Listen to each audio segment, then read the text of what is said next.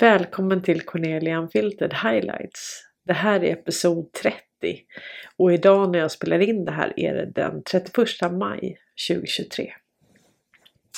Ja, jag släppte ett eh, avsnitt på Rumble, Hållhags Business 3, episod 62 om eh, Epstein Island, Handelshögskolan, Wallenberg, Barbro Enbom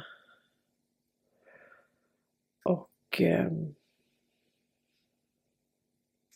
de här pedofilringarna, pedofilnätverken. Ja, det, var, det var tungt att spela in det faktiskt. Men eh, vi måste orka det. Vi måste orka prata om det. Även om det är jobbigt. Jaha. Nu... Eh,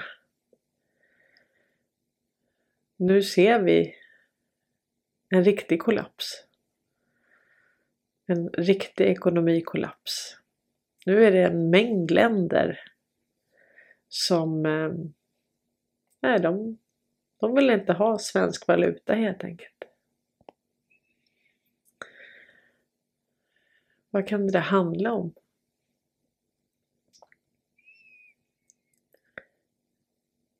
Är det liksom Agda och Åke som vill växla in 10 000 på sin semester? Eller kan det finnas andra pengar där ute som inte ska få växlas in? Hur mycket pengar har hamnat i orätta händer via muter och kriminell verksamhet? Vad handlar det om? Penningtvätt?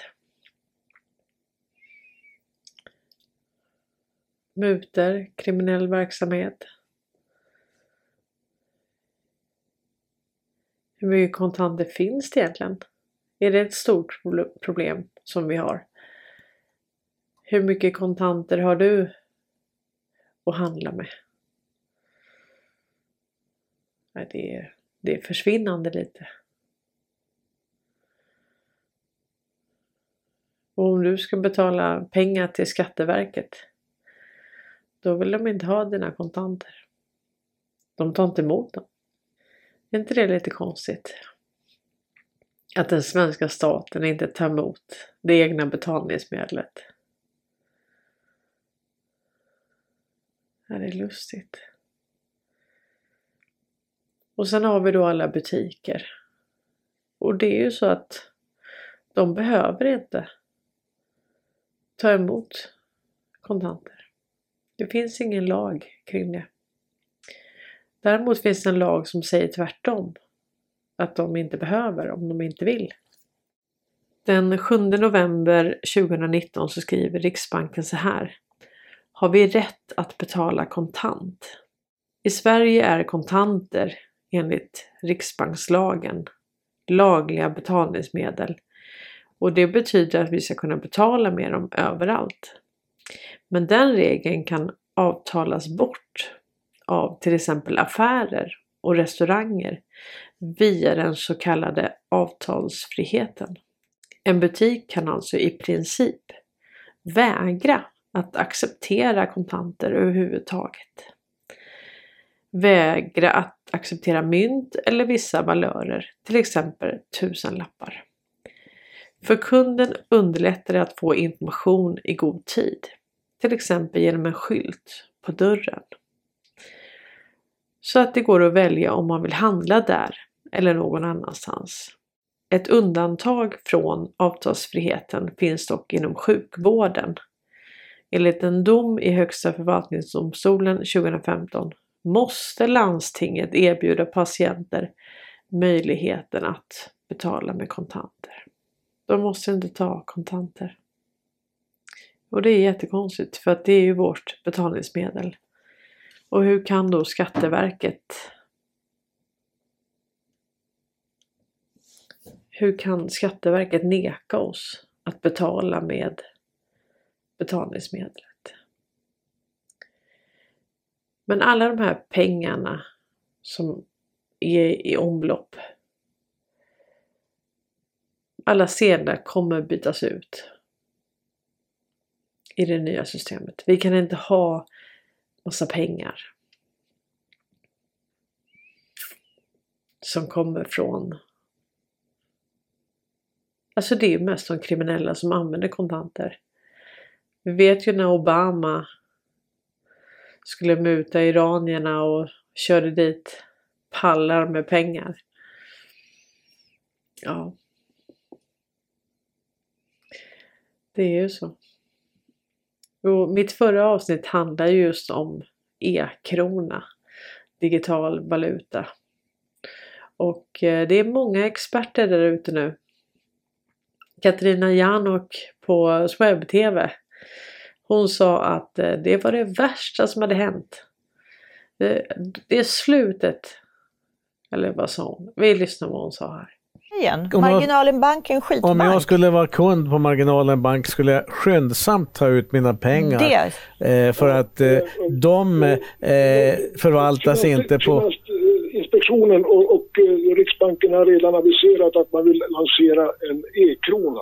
Och den idén kommer från Världsbanken. Men det är den sämsta och, eh, idén. Den, den, idén måste stoppas. Alltså det, det är den ja, sämsta ja, det, idén. Det är fruktansvärt. Det här, det, det här är övervakningssamhället in, in absurdum. Ja, nej, men då är vi körda. Om e-kronan införs är vi körda. Det måste vi protestera ja, mot. Absolut. Men absolut. du Patrik, vi måste tacka för samtalet. Skynda vidare. Det är många som ringer. Hon sa att marginalen är en skitbank.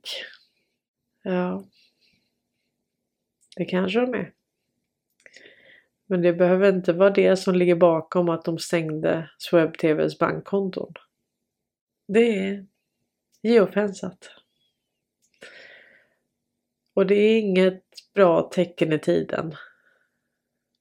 Att få sina bankkonton frysta då har det förekommit tvivelaktiga transaktioner från till eller från ska jag säga flaggade konton. Och det är det man gör nu. Man fryser finansieringen för den djupa staten. Det är därför man inte tar emot kontanter troligtvis. Sen är det klart att det är en kostnad att hantera kontanter. De måste ju växla in dem till en bättre valuta. Och eh, det är en risk ju. För det kan ju sjunka, kronan sjunker som en sten.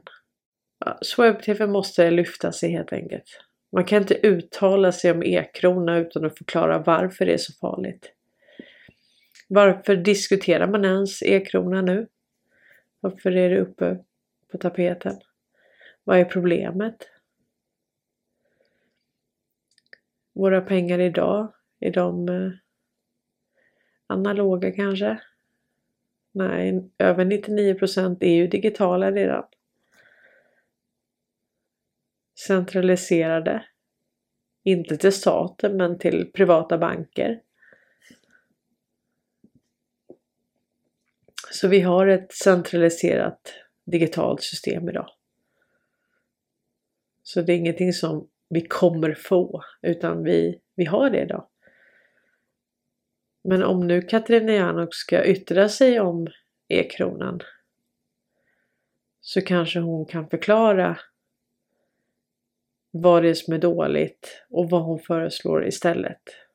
Varför det ens kommer upp på tal. Det går inte att behöva ur sig att det är, att det är jättefarligt. Farligt för vem, Katarina? Vem är det farligt för? Det är de kriminella nätverken. Och Marginalen Bank må vara en skitbank men det är bara så. Det är USA som bestämmer. Jag tyckte det var så konstigt när jag jobbade på bank eller bank, jag jobbar på Skandiabanken. Det är lite mer en internetbank. Men vi var ju rådgivare och vi träffade kunder. Och då blir det så här, om du skulle få öppna ett bankkonto. då skulle du svara på frågor åt USA.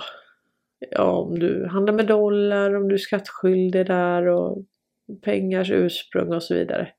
Och jag tyckte det var så himla konstigt att hur kan USA har rätt att fråga alla svenska medborgare en massa frågor om USA för att få öppna ett svenskt bankkonto. Och det där kom ju, alltså det måste ju ha kommit runt 2017 det också. Var det då vi hamnade under belägring? Var det då det kom? Jag vet inte. Jag kommer ihåg att det var så, jag tyckte det var så konstigt det där. Jättekonstigt. Nu tycker jag inte att det är så konstigt. Nu förstår jag varför det är så. Och eh, Sveriges Radio och eh, SVT, de nämnde ju i alla fall det här. Det var uttömmande. Ungefär lika uttömmande som Altanmedia, webb-tv. Vi ska höra här vad de sa. Den svenska kronan fortsätter försvagas och är nere på historiskt låga nivåer mot både euron och dollarn. Handelsbankens valutastrateg Lars Henriksson säger till Ekot att han anser att kronan är undervärderad och att utvecklingen påverkats av faktorer som exempelvis högt utlandssparande i Sverige och att Riksbanken tidigare försökt hålla nere, äh, nere kronan. Idag hålls ett toppmöte mellan EU och USA. Nu fick du reda på allt. Hela bakgrunden till att kronan är så låg. Och inte ett ord om att du har land efter land som nu dumpar kronan. Och det går inte att växla in det. Martin Stensö han ringde faktiskt till Forex Bank. Vi ska lyssna på det samtalet här. Har svensk valuta blivit värdelös utanför Sverige? Samtal med Forex. Okej, okay, men, det, men det är inget problem att växla in svenska pengar då runt 10-15 juni? Nej, absolut inte. Har du dem i kontanter eller på kort? Kontanter. Okej. Okay. Eh, vi kommer behöva se lite flygbiljetter om du har det. Ja. Eh, och kontoutdrag om du har tagit ut pengarna. Bara för styrkande dokument. Och hur mycket, måste, hur mycket Alltså hur, hur, hur stora belopp måste man kunna styrka det på? Eh, vi följer Finansinspektionens regler så vi brukar alltid fråga från första kronan om det är kontanter. Ah, okay. Men bara att du har någonting som styrker att du ska resa, du har tagit ut pengar eller om du har fått det via eh, vänner eller någonting så är det bara styrkande dokument. Eh, okay. Så att om jag, om jag har ett ja. kontodrag där, där visar att jag tagit ut det från mitt eget konto så går det bra? Precis. Ja, ja men då vet jag. Mm. Men du, du har inte hört någonting, för jag hörde nämligen att eh, det är massa länder som inte tar emot svenska pengar och växlar det efter sista maj. Mm. Eh, det är jättemånga länder som har redan börjat i början av maj. Och vad handlar det om då? Eh, eftersom svenska kronan är ganska låg så de har valt att inte acceptera den eh, valutan i sina länder. Ja, men i Sverige går det fortfarande? Ja, i Sverige går det fortfarande. Vi har ju svenska kronor så. Ja, okej. Okay. Ja. Tack så mycket. Ja. Tack själv, ha det så Hej. bra. Hej. Jaha, så det har de börjat med redan i början av maj. Ja, det är tur att vi har mainstream media och alternativmedia som verkligen informerar oss på djupet om de här sakerna. Så att vi kan vara förberedda i sommar. Och den första juni så skärper man eh, lagstiftningen kring deltagande i terroristorganisation. Och det blir ett nytt brott i terroristbrottslagen. Varför det inte har varit kriminellt tidigare eller ett brott. Det kan ha att göra med att Ericsson, de har ju mutat både Al-Qaida och Isis. Eh, och då är det klart att då kan ju inte det vara straffbart i den djupa statens kärna, vilket är Sverige. Då står det så här. Riksdagen sa ja till regeringens förslag om att införa ett nytt brott i terroristbrottslagen. Deltagande i terroristorganisation. Det nya brottet innebär ett särskilt straffansvar för den som deltar i en terroristorganisation på ett sätt som är ägnat att främja, stärka eller understödja organisationen. Straffskalan ska vara fängelse i högst fyra år. Om brottet är grovt ska straffskalan vara fängelse i lägst två år och högst åtta år. Om gärningsmännen har lett terroristorganisationen ska straffskalan vara fängelse på viss tid, lägst två högst 18 år eller på livstid. Det ska även vara straffbart att finansiera deltagande i en terroristorganisation. Att offentligt uppmana eller rekrytera till brottet samt att resa utomlands i avsikt att begå brott. Ja, vi kommer ihåg alla de här som åkte till och skulle kriga med IS. Man hämtade väl hem dem i chartrade flygplan tror jag. Nej, jag vet inte. Lagändringen börjar gälla den 1 juni 2023. Ja, det här är riktigt, riktigt bra. G. Strand skriver på Twitter med risk för att bli tjatig. På torsdag träder en ny terrorlagstiftning i kraft i Sverige som gör det olagligt att delta i en, terrorist, eh, i en terrororganisation. Och så är det då hänvisat till en artikel. S-ledamoten Jamal El-Haj riktar kritik mot sitt eget parti sedan hans uppdrag i utrikesutskottet pausats som en följd av att han trotsat partiets avrådan och deltagit vid en kritiserad Palestinakonferens i Malmö. Och sen har vi en lokal M-politiker som sparkas. Som om jag vore kriminell. Moderaterna i Malmö har bett lokalpolitikern Mohammad Josef Mohammad lämna alla sina politiska uppdrag, skriver Sydsvenskan.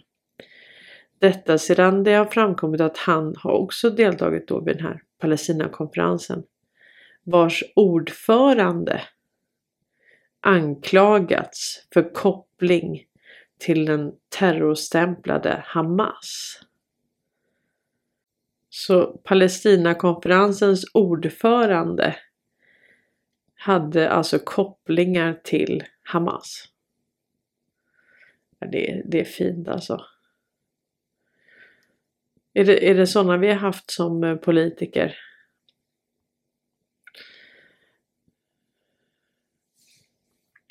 Och sen säger Turkiet nu att man ska stoppa kurdisk demonstration den 4 juni. Turkiets president Erdogans talesperson Ferretin Altun kräver att Sverige hindrar PKK-medlemmar från att demonstrera den 4 juni om de tar Turkiets oro på allvar. Ja, och eh, Antony Blinken han var ju uppe i Luleå. Och han, skylten framför honom så står det Government of Sweden. Okej. Okay. Och sen är flaggorna Most bakom. Det är, de är helt skrynkliga. Det är sådana där eh, nylonflaggor. Alltså det ser inte ut som, det är, det är inte den riktiga kvaliteten. Det här är något billigt skit. Är det typ eh, inhandla på typ Tiger eller Dollarstore eller något sånt? Det här är ju inte, det kan ju inte vara på riktigt. Vi kan ju inte vanhedra en annan nation som gör statsbesök här. Men är Blinken är han med residenten, herr Underlivsporslin. Är det här för att eh, signalera för oss att, att det här är inte på riktigt? Överhuvudtaget. Ja, det är, det är riktigt förnedrande. Och varför står det att han representerar Government of Sweden? Gör man sådana misstag, apropå protokoll och under, vara under belägring. Och sen eh, retar, retar vi björnen igen. Rysslands ambassad skriver den 31 maj. Den 30 maj försökte Kiev-regimen att utföra terrorattentat i Moskva och Moskvaregionen med hjälp av åtta UAV. Enligt Ryska federationens försvarsministeriums uppgifter slog alla av dem utav luftvärn och elektroniska bekämpningsmedel. Vi fördömer starkt detta meningslösa anfall och betraktar det som ett terrorattentat mot vårt land. Svenska medier stödjer ukrainska brottslingar och citerar ukrainska ledningens falska påståenden om att den inte var inblandad i den här attacken. Vi påminner ännu en gång. Ryssland förbehåller sig rätten till de hårdaste svarsåtgärderna.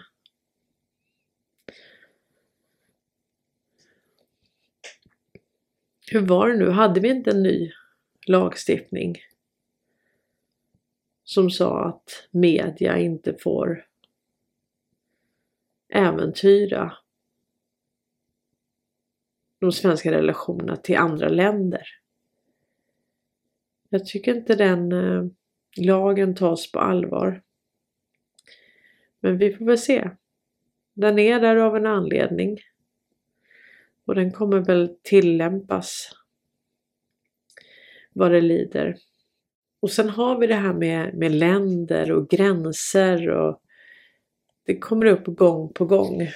Nu skriver SVT att eh, Putin han stod inför, framför en 1600-talskarta och menade att Ukraina inte har existerat som land.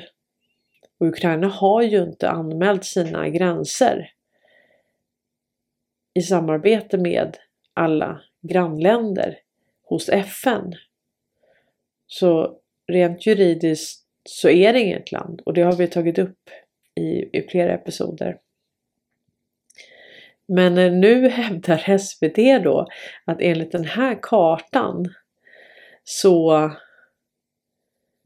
skulle Sankt Petersburg och delar av Ryssland tillhöra Sverige.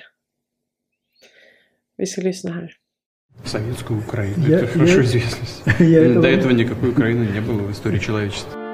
Här står Rysslands president Vladimir Putin och tittar på en upptäckt karta från 1600-talet som påstås bevisa att Ukraina tidigare inte har existerat som land. Men kartan visar samtidigt ett och annat om Sverige.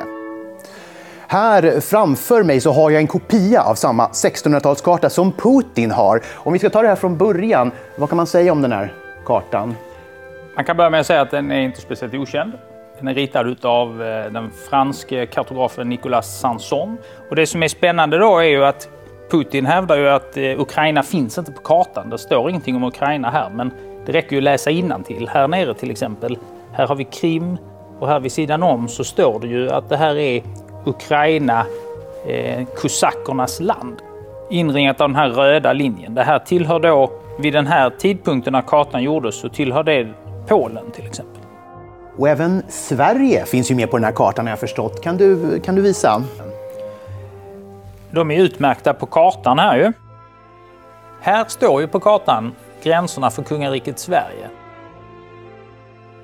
Och här går ju Putin så att säga i egen fälla för här till exempel ligger ju dagens Sankt Petersburg. Det fanns ju inte vid tiden för att den här kartan ritades. Här ligger sjön Ladoga, här ligger Kexholm. Alla det här alla de här områdena tillhör ju idag Ryssland, vilket eh, ingen eh, tycker är något konstigt. Men enligt den här kartan tillhör de Sverige.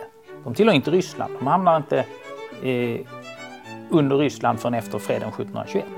Och det visar lite grann på eh, hur svårt, för att inte säga omöjligt det är att använda så här gamla kartor eller för allt i världen historiska argument för att så att säga bekräfta dagens situation. Så för att sammanfatta då, med Putins liksom samma argumentation så har vi anspråk på Sankt Petersburg. Ingen skulle ju få för sig att argumentera så, men ja, med, med samma linje av argument skulle det vara så.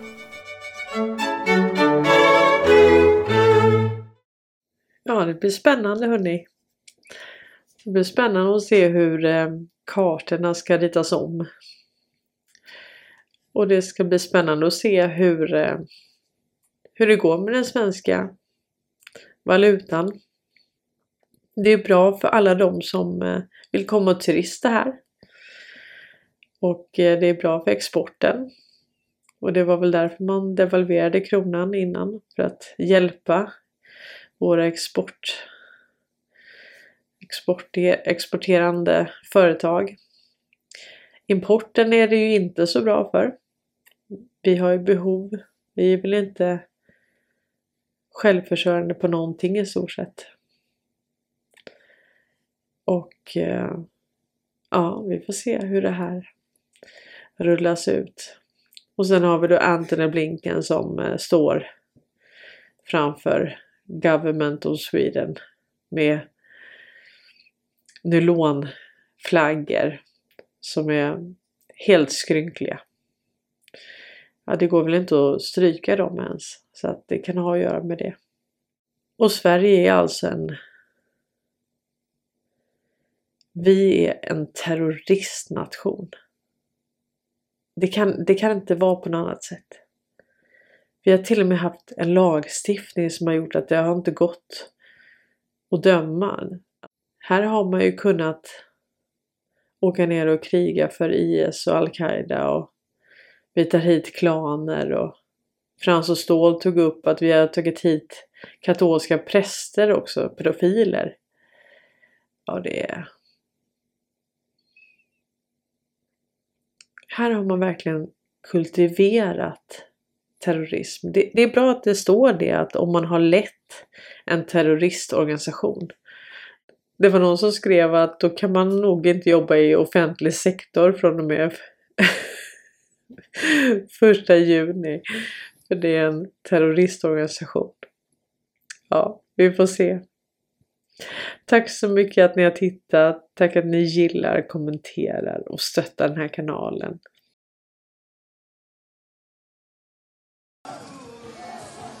Turkiets president Recep Tayyip Erdogan var på gott humör under söndagskvällen.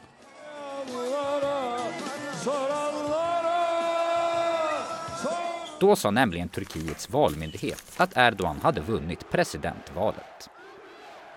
Han fick 52 procent av rösterna, alltså lite mer än hälften. Och det betyder att han kommer fortsätta vara president i fem år till. Erdogan har redan varit president i över åtta år. Turkiet har med åren blivit allt mer odemokratiskt och nästan all media kontrolleras idag av Erdogan och hans regering. Men trots det kom valet att bli väldigt jämnt.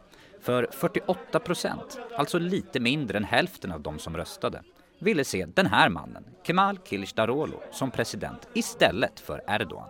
Och i ett tal under söndagen sa Kılıçdaroğlu att han kommer fortsätta kämpa för att göra Turkiet mer demokratiskt. Men de som röstade på Erdogan firade under söndagen på gatorna. Och Erdogan själv tackade befolkningen för allt stöd. Ülkeyi yönetme sorumluluğunu bir kez daha bize tevdi eden milletimizin her bir ferdine teşekkür ediyorum.